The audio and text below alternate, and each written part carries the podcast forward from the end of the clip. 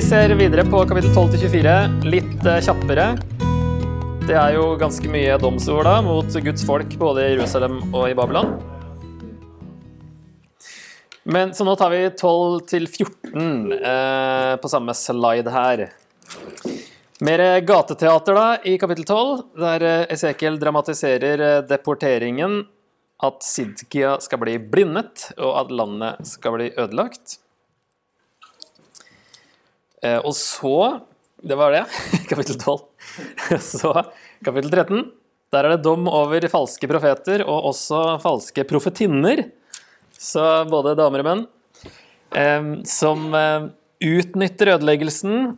Han kaller dem for rever blant ruiner.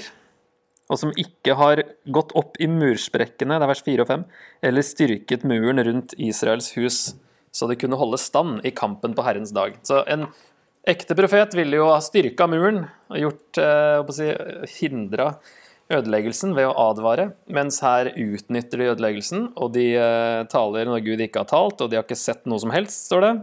Har ikke hatt noen visjoner. Følger sitt eget sinn, står det i vers 3. Tåpelige profeter. Så de, sier Gud, skal ikke få komme tilbake etter, eh, etter eksilet, da. Skal rense ut disse her eh,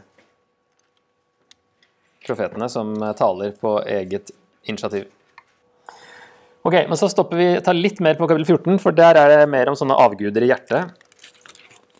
Ehm, De eldste kommer til Esekiel for råd, står det. Men de har gitt avgudene rom i hjertet, sier Gud da til Esekiel. Skal jeg da la dem be meg om råd?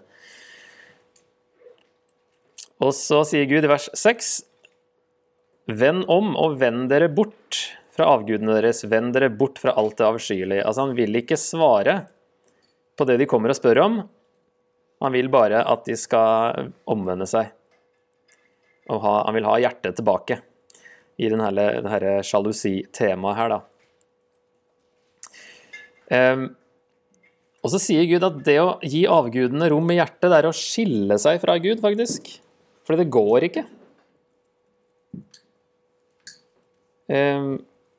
Det står i eh, vers, neste vers, vers 7, om en, en eller annen av Israels hus eller innflytterne i Israel skiller seg fra meg og gir avgudene rom i hjertet, og setter framfor seg det som får ham til å falle i synd, og så kommer til profeten for å søke råd fra meg, da skal jeg, Herren, selv svare ham. Jeg vil vende meg mot ham så han blir til et tegn og et ordtak. Jeg vil utrydde ham av folket mitt. Altså, han får ikke svar på det han spør om, men han, eh, Gud vil bare ha hjertet tilbake, og hvis de da ikke vil det, så, så vil de eh, ikke være en del av folket, da. Eh, Og så sier han i vers 9, og om profeten lar seg lokke til å profetere, da er det jeg, Herren, som har lokket ham. Og det var interessant, fordi hvis profeten kommer med et budskap i en sånn situasjon, så er det Gud som lokker ham fordi han er en falsk profet. For en ekte profet vil jo da høre fra Gud og skjønne at eh, han her har avguder i hjertet. Han svarer vi ikke. Eh, han må bare omvende seg.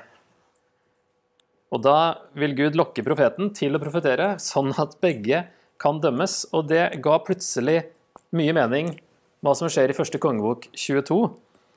Når Ahab, som da tilba Baal, han spør Gud om råd likevel, før en krig, og så sender Gud en løgnens ånd i alle de profetene, bortsett fra han ene Mika, og for at Ahab skal bli lurt, så han vil dø i denne krigen. Hvis jeg husker rett. Men der er det, det, som skjer, egentlig et eksempel på det som Esekiel snakker om her, at når det skjer, når Gud får profeter til å komme med løgn, så er det for at de skal bli dømt. Og at man ikke ville svare en som hadde et delt hjerte. Og vet dere hva? Det samme står i Nytestamentet.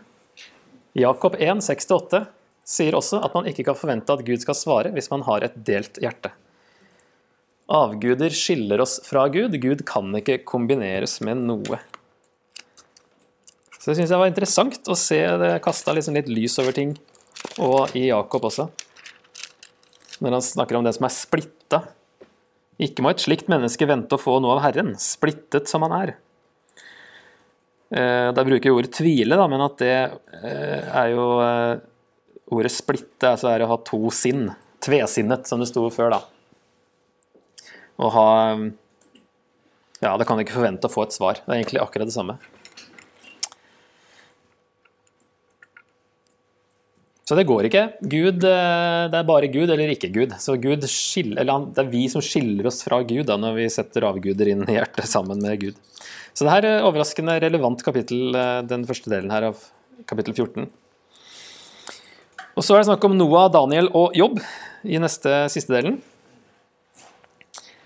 Er det tre bibelske personer som er kjent for sin rettferdighet, eller er det tre rettferdige hedninger som langt overgikk Israel. Fordi det er litt spørsmål om denne Daniel, for det er litt annen skrivemåte enn eh, Daniel ellers i Bibelen. Det er eh, Daniel eller Daniel, men den vanlige skrivemåten er Daniel. Det er det at han, Noah og Jobb det er liksom gamle, gamle helter. Daniel er veldig nylig helt. Han er jo, bare, han er jo yngre enn Esekiel og så vidt uh, vært i Babylon litt lenger, da. Men det er litt sånn Er det den Daniel? Uh, er han litt for ung til å bli en del av denne rekka her. Eh, og Daniel vet vi, han er jo ikke nevnt noen steder i Bibelen, men det var en konge, gammel konge av Syria på 1300-tallet før Kristus som var kjent for å være vis og rettferdig og for å hjelpe enker og farløse og sånne ting. Så kanskje han er en av de gamle, og at da føyer seg inn i rekka med hedninger som faktisk er bedre enn Israel. Da. For Noah og Jobb de var jo ikke av Altså Noah var jo før Israel eksisterte. Og Jobb eh, bor jo i et annet land, og kanskje også var før Israel eksisterte. Så Sånn sett så kan det være Uansett, da, så ville ikke engang de mest rettferdige kunne redde Juda nå. De ville bare redde seg sjøl. Det går ikke an å, å, få til en deal med Gud, sånn som Abraham eh, trodde han gjorde i første Mosebok med Sodoma. Det var jo ikke så mange rettferdige som han pruta det ned til uansett. Men her ville ikke det funke, for nå har det gått for langt, da. Uansett hvem denne Daniel er. Hver gang Esekiel nevner Daniel, så er det en annen skrivemåte. Så det ligner jo veldig, da. Så man kan velge litt her, og man vet egentlig ikke. Kan hende at Daniel han får jo et godt rykte veldig fort da, i Daniels bok. Um, så for visdom spesielt, da. Og rettferdighet, for så vidt da. Så kan gå begge veier her. Uh, men i hvert fall så er poenget at uh, tenk på de tre mest rettferdige, beste personene dere vet om. Ikke engang de ville gjort en forskjell her. De ville bare kunne redde seg sjøl.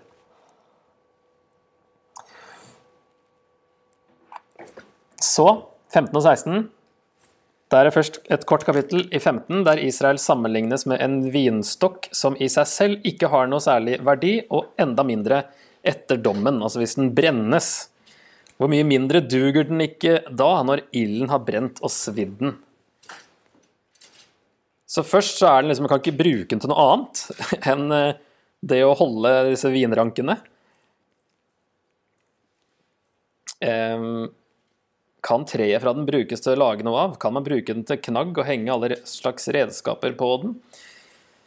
Nei, det kan du ikke. Og når den er brent, så er den enda mindre verdt altså etter dommen her. Så det virker som at Poenget her er at de må innse at det er ikke nok å bare være Israel. Det er egentlig ikke noe i seg sjøl å være vin, vin, denne vinstokken, Guds vinstokk. Som nok er noe av det bildet som ligger bak Johannes 15, og Jesus sier at 'jeg er det sanne vintreet'.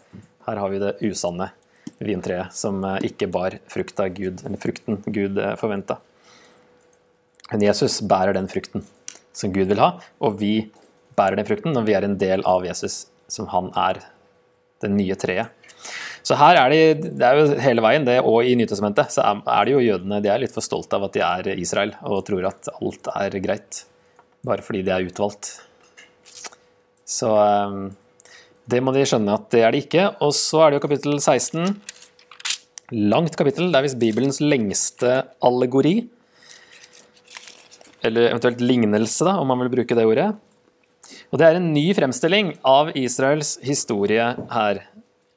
Der poenget er at Israel har bare vært utro mot Gud, og Gud har bare vært nådig, egentlig, mot dem. Tar noen sånne punkter underveis i vers 3-7 så virker det som at han sier at eh, opphavet deres var som alle andre folkeslag. Du stammer fra kananeernes land. Din far var amoritt og din mor hetitt. Altså det var eh, De var ikke spesielle i utgangspunktet, og de ble til bare fordi Gud ville det. Når Gud går forbi og sier 'lev', og så blir de til et folk da med Abraham, kan vi kanskje tenke oss her. Og så vers 8-14 virker som er fra Sinai-pakten der, at eh, de inngår en, eh, en ekteskap her da, i, i vers 8. Og så eh, vers 14, kanskje storhetstida under Salomo. Det gikk rykte blant folkene om din skjønnhet, for den ble fullendt av den prakten jeg ga deg. Det går jo rykter til dronningen av Saba for eksempel, da, om, om Salomo. Så det kan være den perioden der, i de versene. Og så er det når riket blir delt at det blir ille, da. Det er jo da avgudene kommer inn, og det er da profetene også må komme inn for å få folk tilbake. Så den vers 15-19 kanskje er den perioden med avgudsdyrkelsen i det delte riket, hvor skjønnheten som Gud hadde gitt dem, ble til stolthet. Du stolte på din skjønnhet, du drev hor på ditt rykte. Og ja, et uttrykk eller uh, sitat her. The jeweled wife became a painted prostitute. Så her er det en uh, stor kontrast og en endring som skjer til det verre. Vers 20-29. At heng, de henga seg til fruktbarhetskultene til kanoneerne, ofret sine egne barn, bygde altere for avgudene. Sjokkerte naboene, står det. Flørtet med både avguder og nasjoner. Det er liksom ikke styr i det hele tatt på denne her eh, dama her i allegorien. Og oppførte seg som en prostituert som betalte kundene sine for å få lov å være med dem, i vers 30-34. Fullstendig troløs. Det liksom går enda lenger enn det man ville forvente av en utro kone, som er en prostituert som bare er Ja, det er, eh, det er voldsomme ord her, da. Og de var til og med verre enn Sodoma, sies det da fra vers 35, hvis vi tar den eh, til eh, helt til 59, har jeg tatt som en bolk her, da. Sodoma var jo liksom uttrykket for det aller, aller verste. Og her har uh, Juda, eller Israel da, generelt, blitt verre enn selveste Sodoma. Bare etter dommen vil Gud kunne se på dem uten sinne. Men det er fortsatt håp. Det er litt håp i den delen her. Eh, snakker om at eh, han skal vende skjebnen og sånne ting for Sodoma og Samaria, og eh, det er noe som skal bli bra. Men så blir det overraskende positivt, de siste versene 60-63, at Gud vil tilgi dem likevel, og at de vil omvende seg, og de vil skamme seg. Og den siste biten her, med hvordan Guds nåde kommer på tross av dette kapittelet, så skinner jo det enda sterkere da, som en kontrast. Vi skulle liksom ikke forvente det i akkurat dette kapittelet, at Guds nåde kommer inn her òg. Så det er flere sånne fremstillinger, nye fremstillinger av Israels historie. Dette er den første. Det er i hvert fall et par til som kommer i denne samme delen her. Der eh, det nok var sjokkerende å høre, og det gjør jo Du, du rokker jo liksom ved identiteten til et folk når du begynner å snakke om eh, opphavet og bakgrunnen og tradisjonene. Og Esekiel fremstiller det på en helt annen måte enn det selv det kongebøkene gjør, og, og de historiske bøkene. Har mer en sånn du får mer et positivt bilde der enn det Esekiel kommer med her, når han på en måte retolker det, setter et annet lys. Um, og Det vil jo være støtende for folk som hørte på, og det ville være ganske ukomfortabelt for Esekiel, tror jeg, å fremsi dette her. Det var jo mye verre den gangen. Dette er jo sjokkerende språk selv for oss, og vi er jo mye mer utsatt for sånt, egentlig, enn det de var. Og Esekiel i tillegg som en prest ville jo virkelig ikke ha lyst til å si dette her. Eh, skulle jeg tro. Men eh, han vet hva han må si. Så det var ukomfortabelt for han òg, tror jeg vi kan si. Ok, Så før den neste gjenfortellinga, den kommer i kapittel 20, så kommer det 17 til 19, tar vi en sleng her. Kapittel 17 er eh, en sånn lignelse eller allegori til om vinstokken og ørnene. Der eh, kan oppsummere det som at eh, greinen Joakim, som blir brutt av, altså siste kongen, da, han som er tatt i Babylon, hvis vi ikke regner med Sidkia, som for så vidt er aller siste kongen. Han tas av ørnen Nebukadnesar, som planter Sidkia da, som ny konge. Sidkia gjør opprør og snur seg mot Egypt, den andre ørnen. Han vil bli drept, men Gud vil plante en ny konge på et høyt fjell, står det i siste to versene. Det høye fjellet har vi jo også sett i Jesaja 2. Herrens tempelberg skal rage høyere enn alle andre fjell, og der skal folkeslagene strømme. Så det virker litt messiansk på slutten her. At det skal komme en ny eh, god konge, da, til slutt.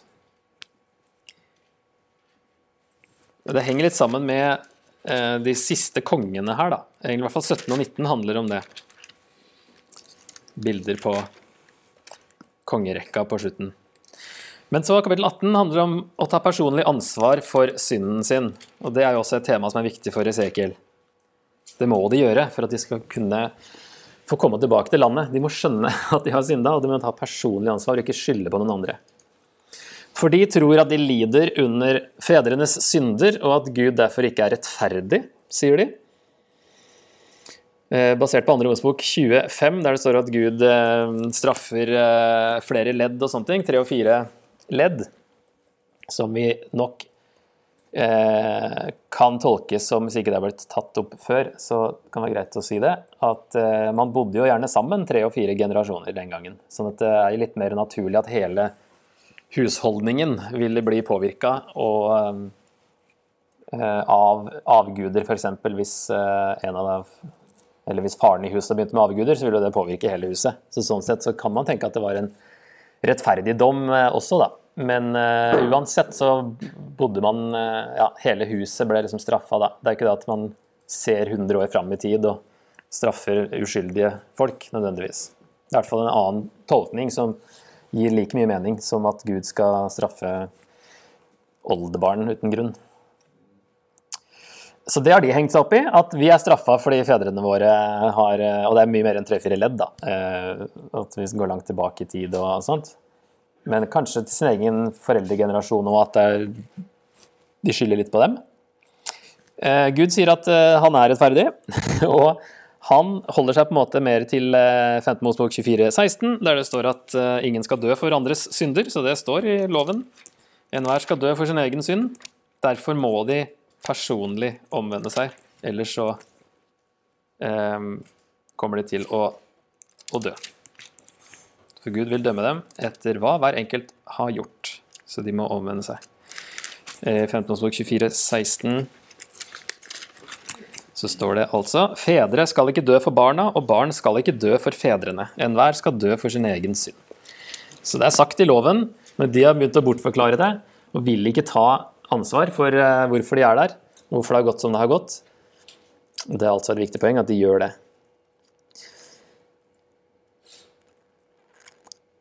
Og så er det en såkalt likklage i kapittel 19 over fyrstene i Israel, altså de siste kongene. Og det er snakk om noen løver i uh, første delen.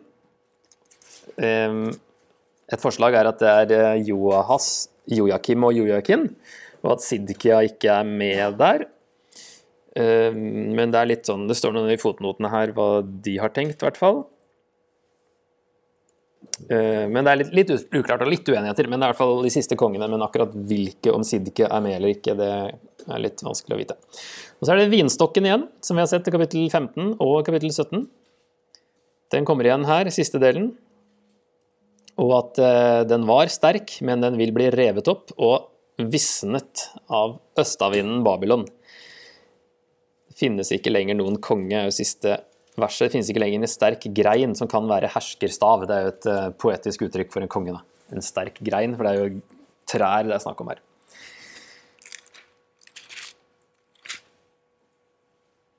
Ja, vi freser gjennom. Men så kapittel 20 så kommer det da en ny fremstilling, og det er nummer to da, av Israels historie. Også et langt kapittel. Og for å ta noen highlights eh, fra Israels historie her, så um, sier jo Gud egentlig her at allerede i utgangen fra Egypt fortjente Israel å dømmes for avgudene sine. Gud ville ha gjort ende på dem for sitt navns skyld, men lot være. Og Det er et sånn refreng som går igjen, da, at det er for hans navns skyld at han egentlig òg ville ha gjort ende på dem, så ikke de skulle vanære navnet hans blant folkeslagene og sånt, men så er det jo at han lar det være. Men allerede fra, ut fra Egypt De var trassige og nektet å høre på meg, i vers 8. Ingen kastet vekk det motbydelige som øynene hang ved, og de vendte seg ikke bort fra avgudene i Egypt.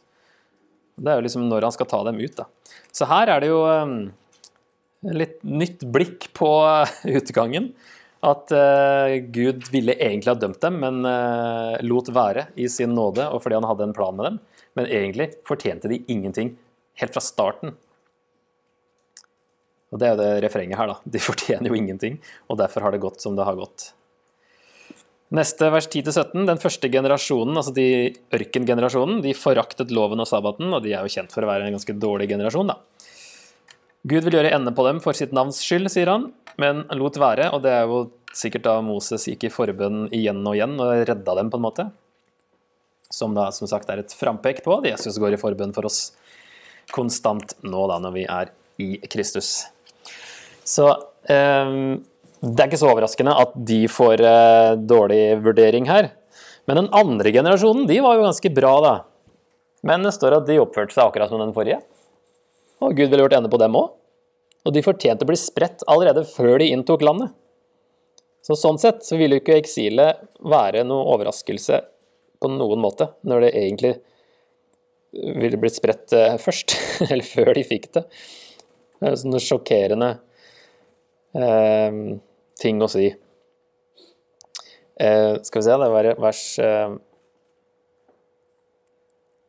23, vel? Så løftet jeg hånden der i ørkenen på at jeg ville spre dem blant folkeslagene og strø dem ut i landene. Og Det er det jo fortsatt i ørkenen før de kommer inn.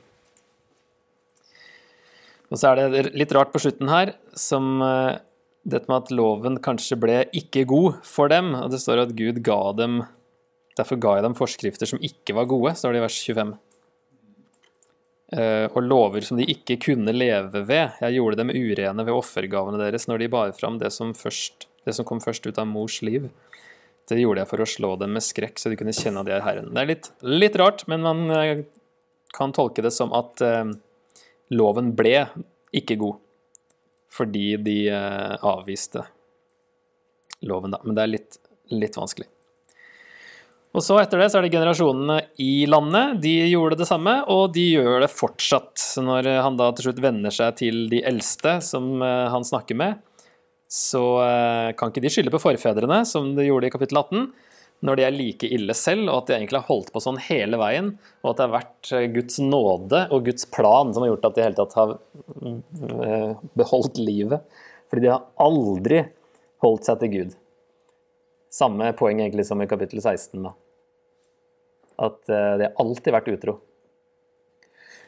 Og Så kommer det heldigvis håp på slutten her, da. 32-44.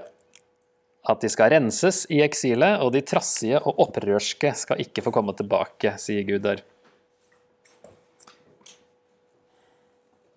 Jeg skiller ut fra dem, nei, ut fra dere, dem som er trassige og gjør opprør mot meg, står det i vers 38. Jeg fører dem bort fra landet hvor de holder til som fremmede, men til Israels land skal de ikke få komme. Da skal dere kjenne at jeg er Herren. Og så sier han at det er for hans navns skyld at han gjør alt dette her. Det er vel det siste verset, vers 44. Dere skal kjenne at jeg er Herren når jeg handler slik med dere for mitt navns skyld, Israels hus, og ikke gjengjelder deres onde ferd og ødeleggende gjerninger, sier Herren Gud. Så det refrenget der lar vente på seg litt, for det er liksom etter hver generasjon eh, så sier han et eller annet om hans navns skyld og sånne ting, men så kommer ikke det når Esekiel plutselig kommer til nåtiden. Så kanskje de som hørte på, venta å høre at å ja, men Gud for sitt navns skyld skal gripe inn og gjøre et eller annet. Men ja, men det er etter eksilet. Og da skal han få dere tilbake. Og det er også for hans navns skyld. Ikke for deres skyld.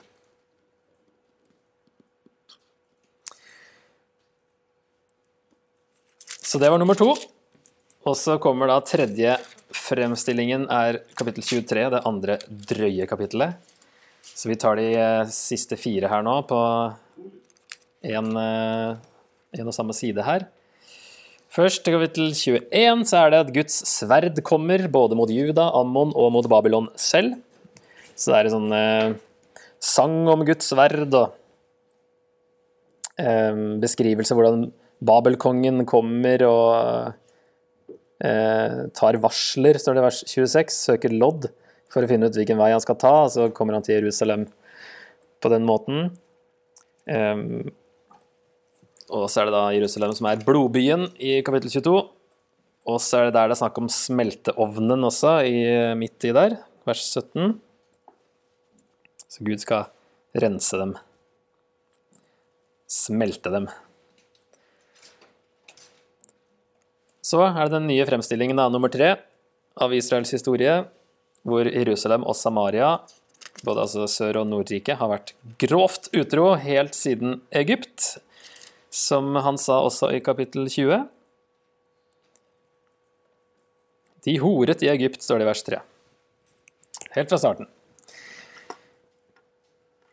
Um, ja, og du Daniel spurte jo hva det betyr, de her navnene, Ohola og Oholiba, som eh, kan se ut som at det kommer fra Ohel, som betyr telt på hebraisk. Men så vet man ikke helt eh, om det er møteteltet, eller om det er eh, deres eget telt, eller hva det er ment med det, da. men det kan være noe med telt. Ikke sikkert det hjelper oss så veldig. Så det er en sånn allegori til her, da. Som blir bare kanskje enda verre enn den i 16. Men eh, det er som sagt sjokkerende både for Esekiel og for de den gangen, og det er jo et poeng med det, at det skal sjokkere. Og så begynner beleiringen i kapittel 24. Eh, den datoen som sies der. Niende året, tiende dagen, tiende måneden. I hvert fall når du sammenligner med andre kongebok 25, så er det den dagen det, det skjer, dette her, da at han får eh, dette budskapet. Det står det jo i vers 2. Menneske, skriv opp på denne, navnet på denne dagen, nettopp denne dagen, for Babels konge har rykket fram mot Jerusalem på nettopp denne dagen. Så det er den samme dagen. Selv om han er i Babylon, så vet han at nå nærmer det seg at tempelet blir ødelagt, og så kommer denne her kapittel 24, eh, hvor Jerusalem er gryta fortsatt, men den skal kokes. Og kjøttstykkene oppi, da, de skal de skal koke, så det blir bare Hvor det står, det? Kok kjøttet tørt, står det i vers 10. Kok kraften inn, la knokene bli brent. La gryta stå tom på glørne til den blir så varm at kobberet gløder. Da skal urenheten smeltes ut av den, og skjoldene blir borte. Så det er rensing her igjen, da. Og her, i siste delen, så dør Esekiel sin kone som et symbol på tempelets ødeleggelse. Og så får han ikke lov å sørge offentlig fordi dommen da er fortjent. Altså ikke at hun dør, det er ikke fortjent, men at tempelet skal ødelegges. Det er ikke noe man skal sørge over, fordi det har de blitt advart om ganske mange ganger. Men eh, kraftige virkemidler her, altså når til og med kona hans dør. Eh, det trenger jo da ikke betyr at hun går fortapt. sant? Det har vi snakka om. Hun blir eh, dessverre et, et, virkemiddel eh, fordi det var så viktig at folk skjønte dette her. At de måtte omvende seg for at eh, Guds plan om frelse til hele verden skulle skje. Så måtte de som var utvalgt, forstå hvilken rolle de hadde, omvende seg så de kan komme tilbake, så de kan bli rensa, og så Messias kan komme, og hele verden kan nås trist. Han kan sukke i det skjulte, står det, eller noe sånt, men eh, ikke sørge sånn man gjorde da vanligvis. Ikke sant? Hadde sju dagers eh, sørging eller noe sånt.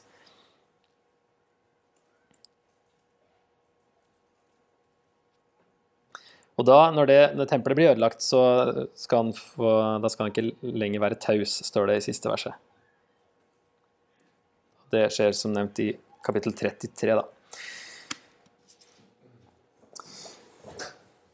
Disse kapitlene, vi tar det nå da, kapitlene 12-24, som vi også gikk ganske fort gjennom. Um, hvordan kan vi unngå å gi Guds navn et dårlig rykte? Noe som Israel gjorde, og som Gud er ganske irritert over. At de har uh, vanæret hans navn blant folkene ved å leve på den måten de gjorde. Hvordan kan vi unngå å gjøre det blant folk som vi er rundt? Um, tror vi at vi er viktigere enn vi er når Gud gjør alt for sitt navns skyld? Et annet uh, spørsmål. Stoler vi på det Gud har gitt oss, i stedet for på Gud, sånn som i kapittel um, 16? da? Det kan være mye forskjellig. Lederevner, evangeliseringsteknikker, undervisningsferdigheter, pastoralgaver osv. Kan det bli at vi stoler altså Gud gitt oss en gave, og så er det veldig lett Jeg tenker på det her stadig. Det er veldig lett å bli sånn uh, flink kristen, og som blir flink på å gjøre det som menighet òg. Så kan man bli liksom planlegge ting og gjøre ting fordi dette er vi gode på, og så stoler vi på de tingene og oss sjøl i stedet for på Gud. Som Israel også gjorde da, i denne kapittel 16. Og så generelt da, for 16 og 23, som sagt, ment å sjokkere. Hva gjør dette med oss? når vi blir sjokkert, hva, hva, gjør det med oss? Det er jo det er ikke bare, Poenget er ikke bare å bli sjokkert. Poenget er at det skal gjøre med oss.